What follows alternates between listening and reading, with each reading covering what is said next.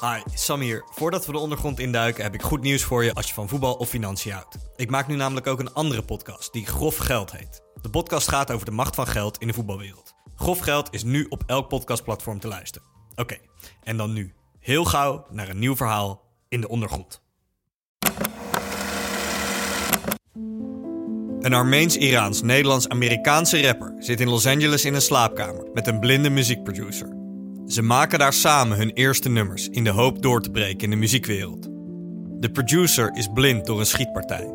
Hij zal na een tijdje zijn muziekdroom opgeven. Maar de Armeens-Iraans-Nederlands-Amerikaanse rapper gaat door en zal uiteindelijk samenwerken met een aantal van de meest legendarische rappers aller tijden. Mijn naam is Sam van en welkom in de ondergrond.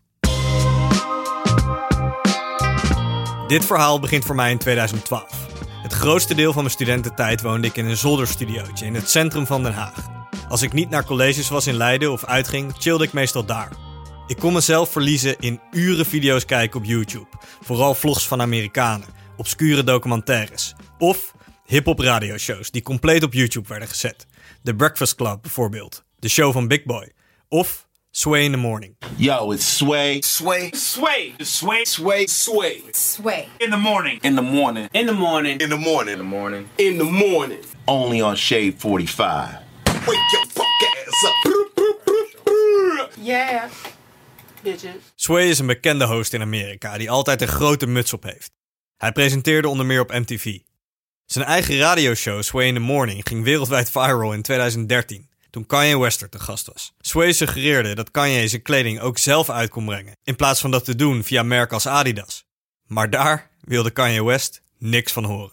Or why don't you empower yourself and don't need them and do it yourself? How, Take- Sway? Take a few steps back to go. You ain't got the answers, man. You ain't got the answers. Kanye. You ain't got the answers.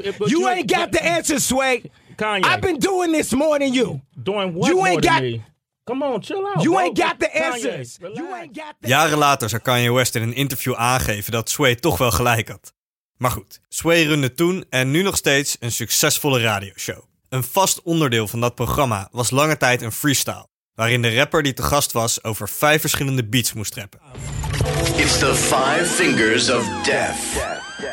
Het leverde goede en soms hilarische freestyles op van rappers als Mac Miller en Tyler the Creator. Nou, als je Tyler the Creator niet kent, hij is een super creatieve rapper, maar iemand die niet altijd alles even serieus neemt. Dit is een stukje van zijn freestyle bij Sway. Bark, bark.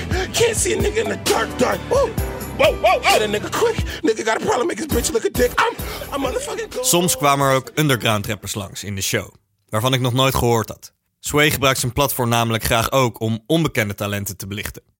Zo ook in oktober 2012. Er komt dan een rapper langs met een licht getinte huidskleur, een baardje en een grote zwarte pet op. Hij heet R. Mean. Sway in the morning, five beats designed to trip you up. Courtesy of DJ Wonder Armin. Uh.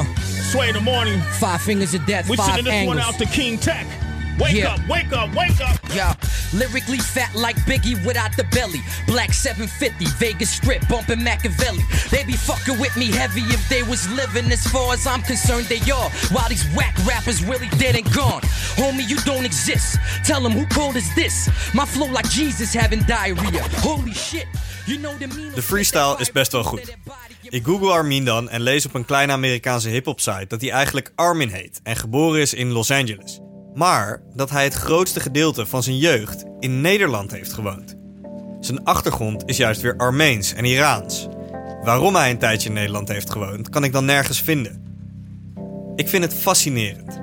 Een freestyle rapper met een Armeense en Iraanse achtergrond, die ook een tijdje in Nederland heeft gewoond en het probeert te maken in Los Angeles. Ik besluit op dat moment om Armin te gaan volgen, om te kijken waar zijn carrière hem gaat brengen. In de jaren daarna begint Armin met steeds grotere namen uit de muziekwereld samen te werken.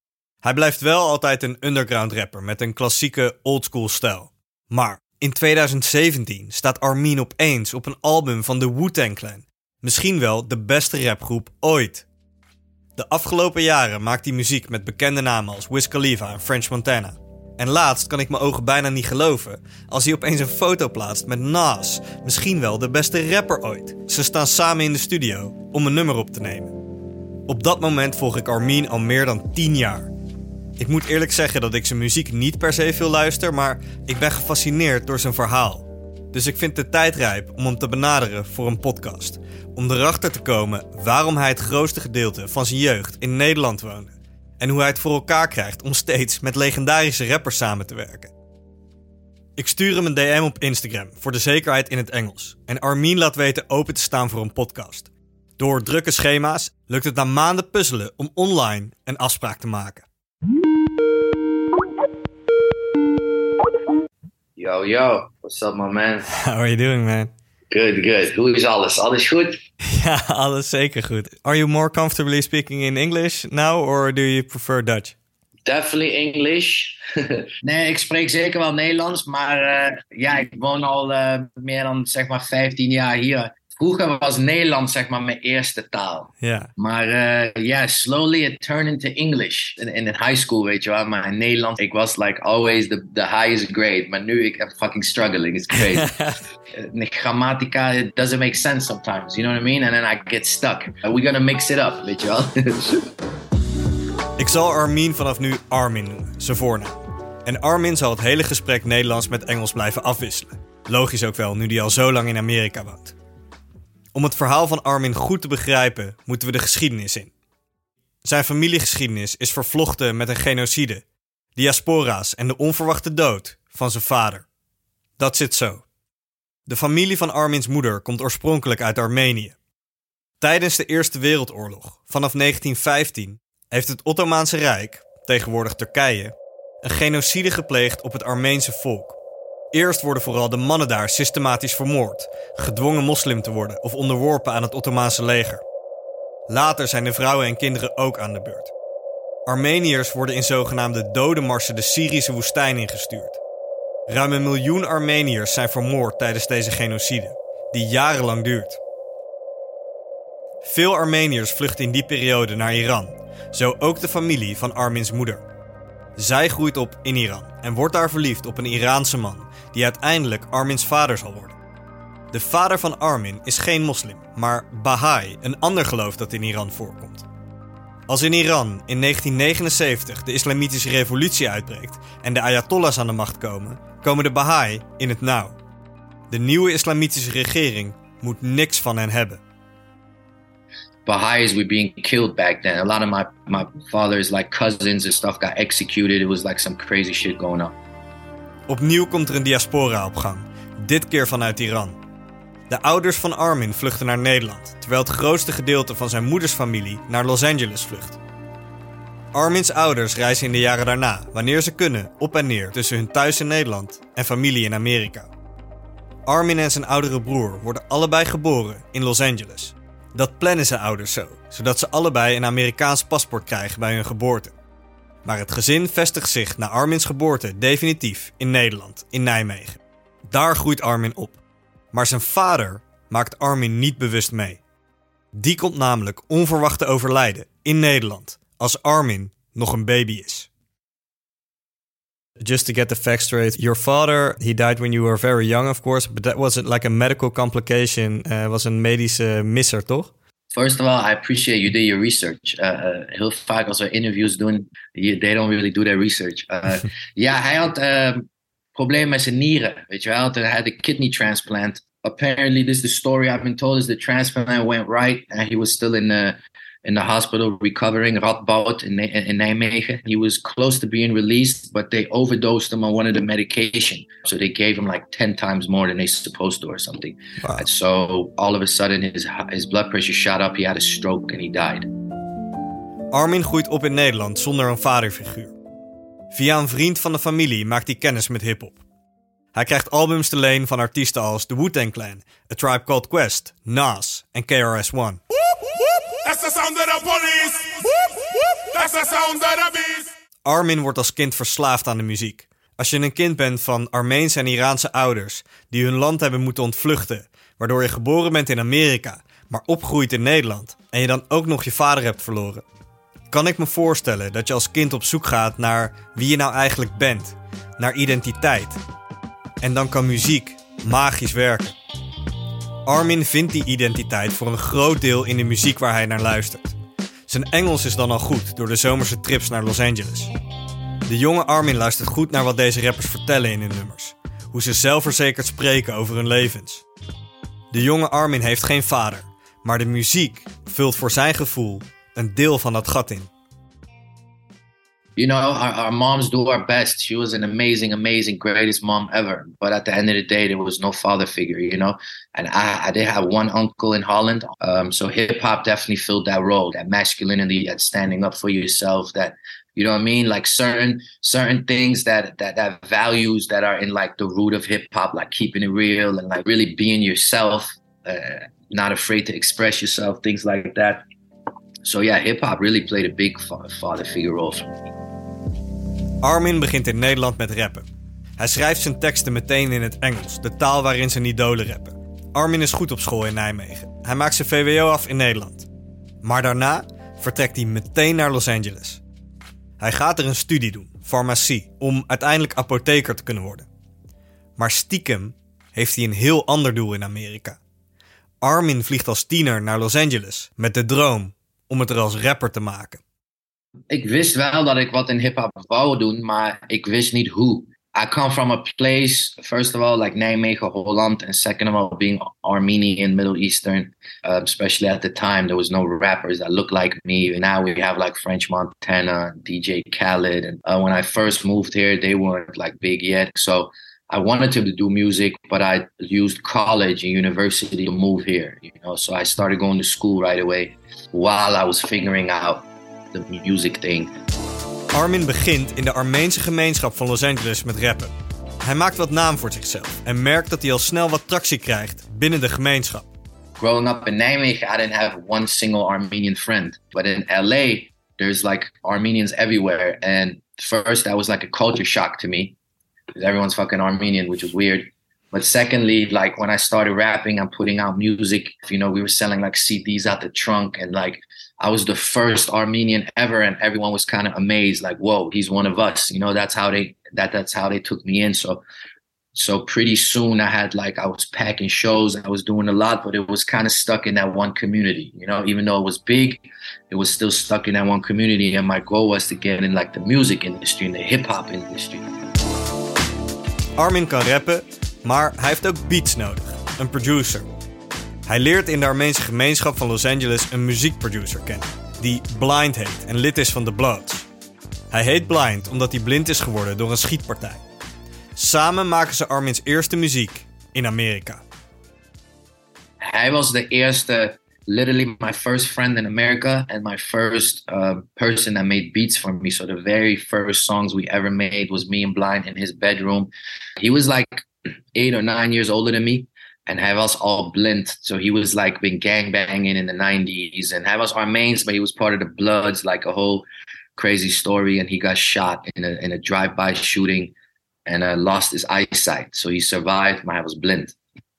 And uh, he learned to use like the equipment of the MPC completely blind. It was very impressive. Uh, so he was making beats blind.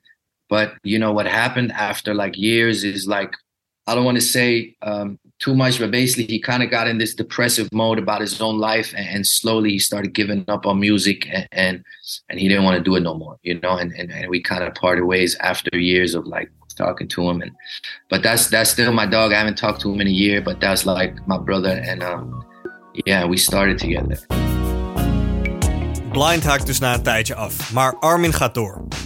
Stapje voor stapje maakt hij wat naam voor zichzelf in de muziekwereld.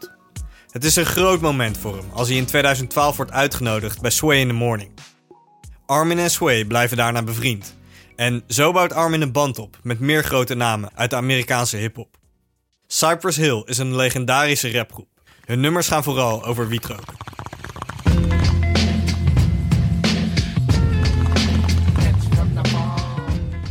Armin raakt via een optreden bij een radioshow bevriend met Be Real, de frontman van Cypress Hill. Armin richt ook zijn eigen label op, Pentagon Records, om zijn muziek onafhankelijk uit te kunnen brengen. De eerste grote rapper die met Armin samen wil werken is The Game. Dat is bijzonder, vooral in die periode. Bijna niemand kent Armin dan nog. Hij is met alle respect een Armeense underground rapper. terwijl de game dan al een grote naam is, die op dat moment wereldwijd juist op de piek van zijn populariteit zit.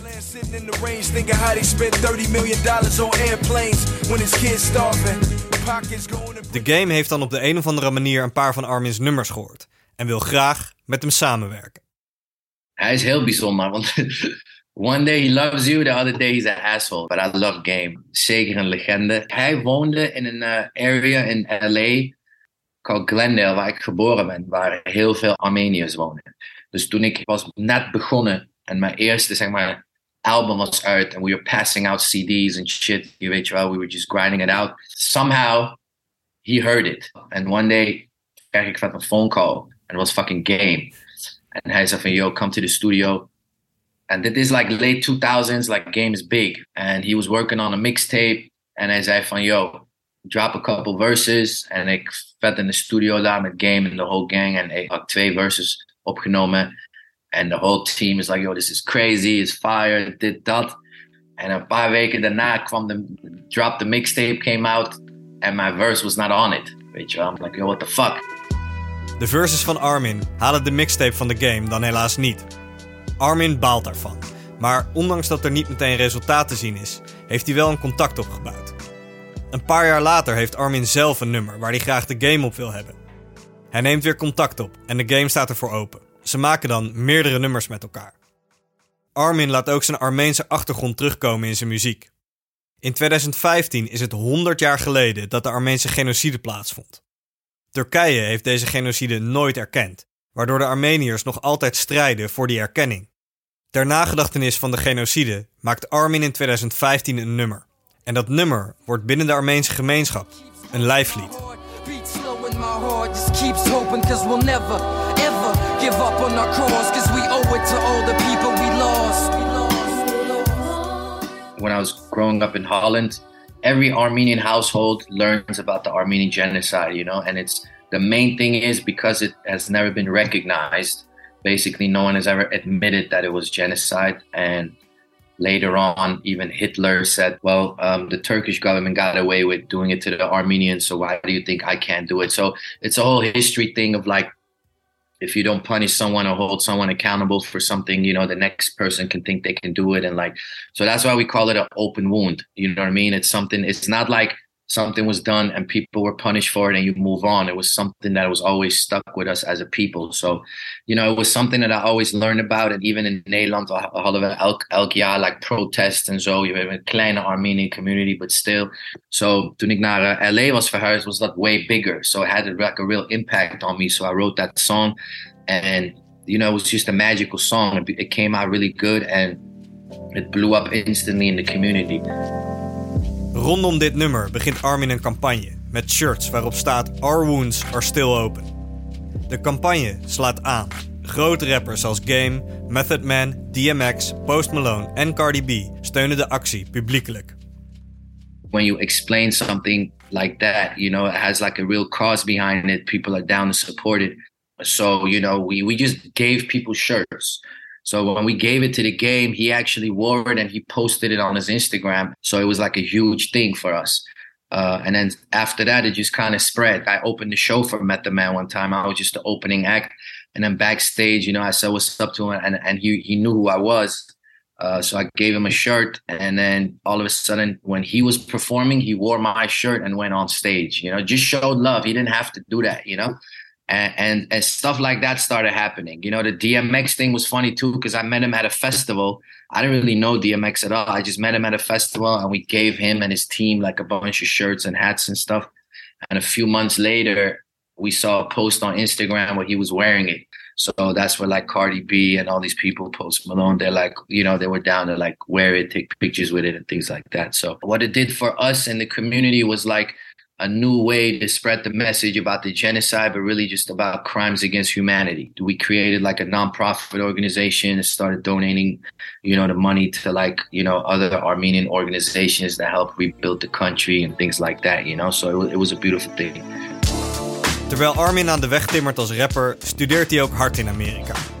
Hij behaalt er zijn diploma om als apotheker te kunnen werken en opent samen met een compagnon een apotheek, waar hij zich naar eigen zeggen alleen op afstand mee bemoeit, zodat hij zich vooral op zijn rapcarrière kan richten. Als wiet legaal wordt in Californië, begint hij ook daarin te ondernemen. En dan gebeurt er in 2017 opnieuw iets bijzonders. Wu-Tang Clan ain't nothing to fuck with. Wu-Tang Clan ain't nothing to fuck with. Wu-Tang Clan ain't nothing to fuck with. Een bezoek aan een show leidt er onverwacht toe dat Armin op een album van de Wu-Tang Clan terechtkomt. Ik was gewoon de grootste Wu-Tang fan in the world. So DJ Mathematics, een van de zeg Wu-Tang producers. Ik had hem ontmoet backstage aan de Wu-Tang show. Na de show, hij wou naar huis. En de rest van de crew was nog daar, zeg aan het chillen party of whatever. Toen zei ik van, ja, I can take you, weet je. I'm gonna leave too. So I drove DJ Mathematics to his hotel or whatever. En in the car, weet je wel, waren we aan het praten. En hij zei van, let me hear some of your music. So I played him a couple of songs and he was like super impressed. Uh, so we just kept in touch. And like maanden later texte mij een out of nowhere van, yo, uh, we working on this song. Met the man did a verse, weet je. The second verse is open. Do you want to jump on it? I'm like, of course, je. So I went and did it right away. Mike niet what it was for. Een paar maanden later, they announced the new Wu-Tang album. And the tracklist came out. En ik word vet wakker en ik had al die tekst congratulating me. I'm like, what's going on? En toen zag ik dat ik op de album was. So, so, so sometimes it just happens randomly. En zo kan het dat op het Wu-Tang album The Saga Continues een nummer staat met de legendarische rapper Method Man.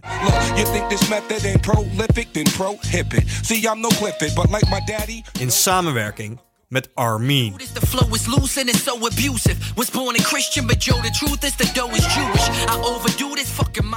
Als ik nooit naar die show was gegaan, had ik Mathematics nooit ontmoet. And, and none of this would happen. That's what I mean with like, when you keep going and you just go places and you meet people and you never know, like months, sometimes years down the line, something happens from you going, you know what I mean? Meeting people before. So that's just the consistency of like, when you love this shit and you keep working and you keep doing your thing, you know, doors open like that.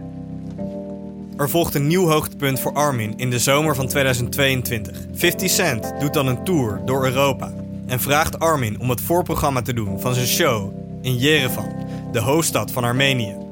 Zo mag Armin voor het eerst in zijn leven optreden in Armenië, het land waar zijn moeders familie oorspronkelijk vandaan komt. De rapstijl van Armin is oldschool. Ik heb hem gevraagd of hij er wel eens over heeft nagedacht om zijn stijl wat aan te passen, gericht op het jonge publiek van nu. Maar dat wil hij liever niet. Hij rapt het liefst in de stijl van zijn idolen. De laatste tijd is Armin veel gaan samenwerken met Scott Storch, de legendarische producer van veel hits uit de jaren nul. Hij is de man achter de iconische piano van Still Dre.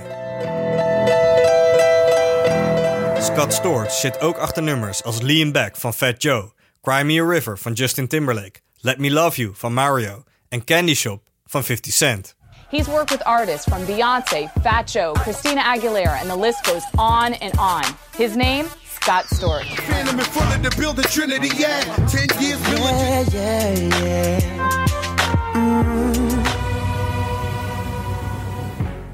Scott Storch is in het begin van de jaren 2000 de man in de muziekwereld.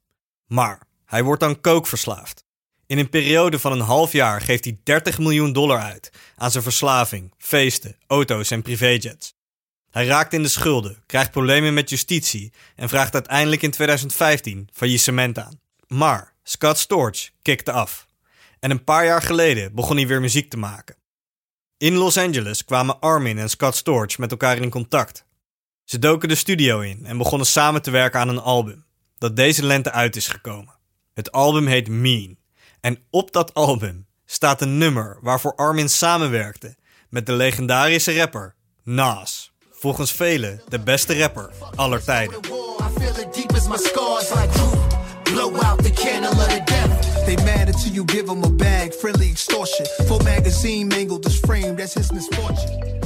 Die samenwerking tussen Armin en Nas is ook op een bijzondere manier tot stand gekomen. In 2017 bracht Armin een nummer uit, Letter to the King. Het was een eerbetoon aan zijn twee favoriete rappers, Eminem en Nas. Met dat nummer gebeurde aanvankelijk niet zoveel. Totdat Armin jaren later ineens een belletje kreeg. En krijg ik opeens een FaceTime call en ik neem op en het is fucking Nas, weet je wel. En letterlijk de eerste, eerste wat ik zei is like, oh shit. like, dat had ik gewoon helemaal niet verwacht. En uh, hij zei van, yo, I just heard that song, bro. He's like, what's up, bro? I just heard that song. And the song was like few, year, few years old. So I was like, what song? And he's like, the one you did for me and M.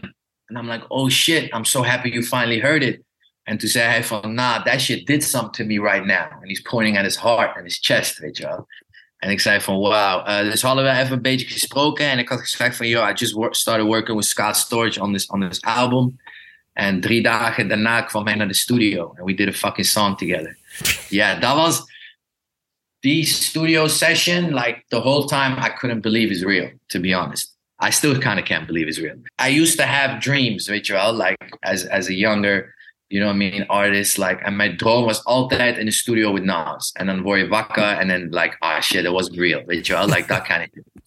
And then it really happened, and that was like, wow, it's fucking crazy. The song is crazy. And then since then, heeft hij, zeg he's been embracing me. So every time, hij, zeg maar, een album release heeft, of toen Grammy had gewonnen, zijn parties en events zijn heel intimate. It's just his people. And he's been inviting me every time I'm around him. It's kind of like surreal, weet. But yeah, ik heb wat de hele crazy moments met hem. Gewoon we drinking Hennessy, toasting, chilling, just me, him, a couple other people.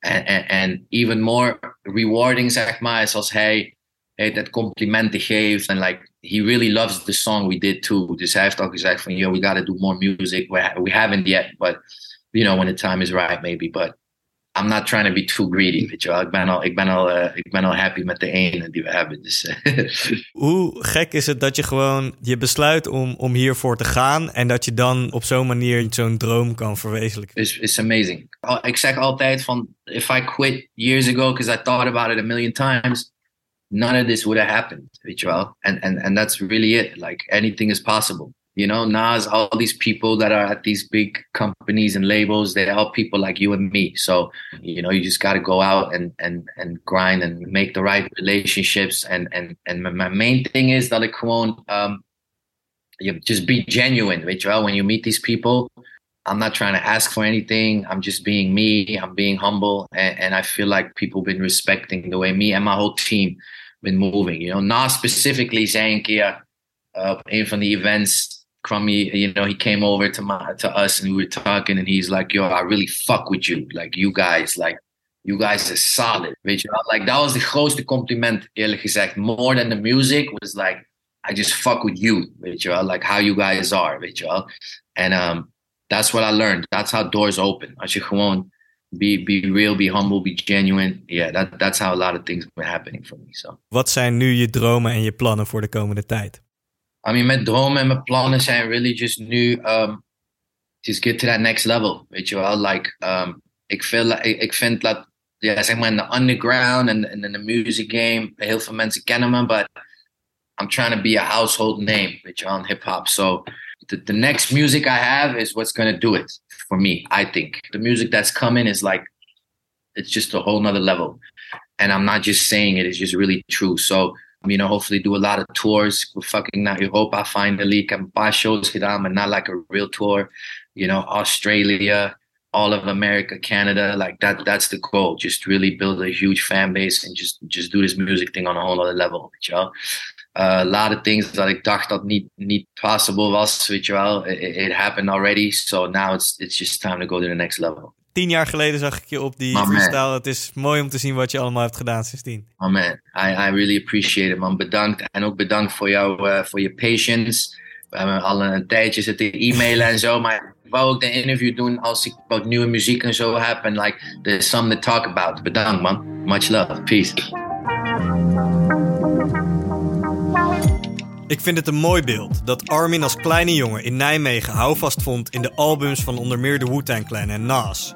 En dat hij jaren later in Amerika samen heeft gewerkt met deze mensen. En nog een hoop andere rappers.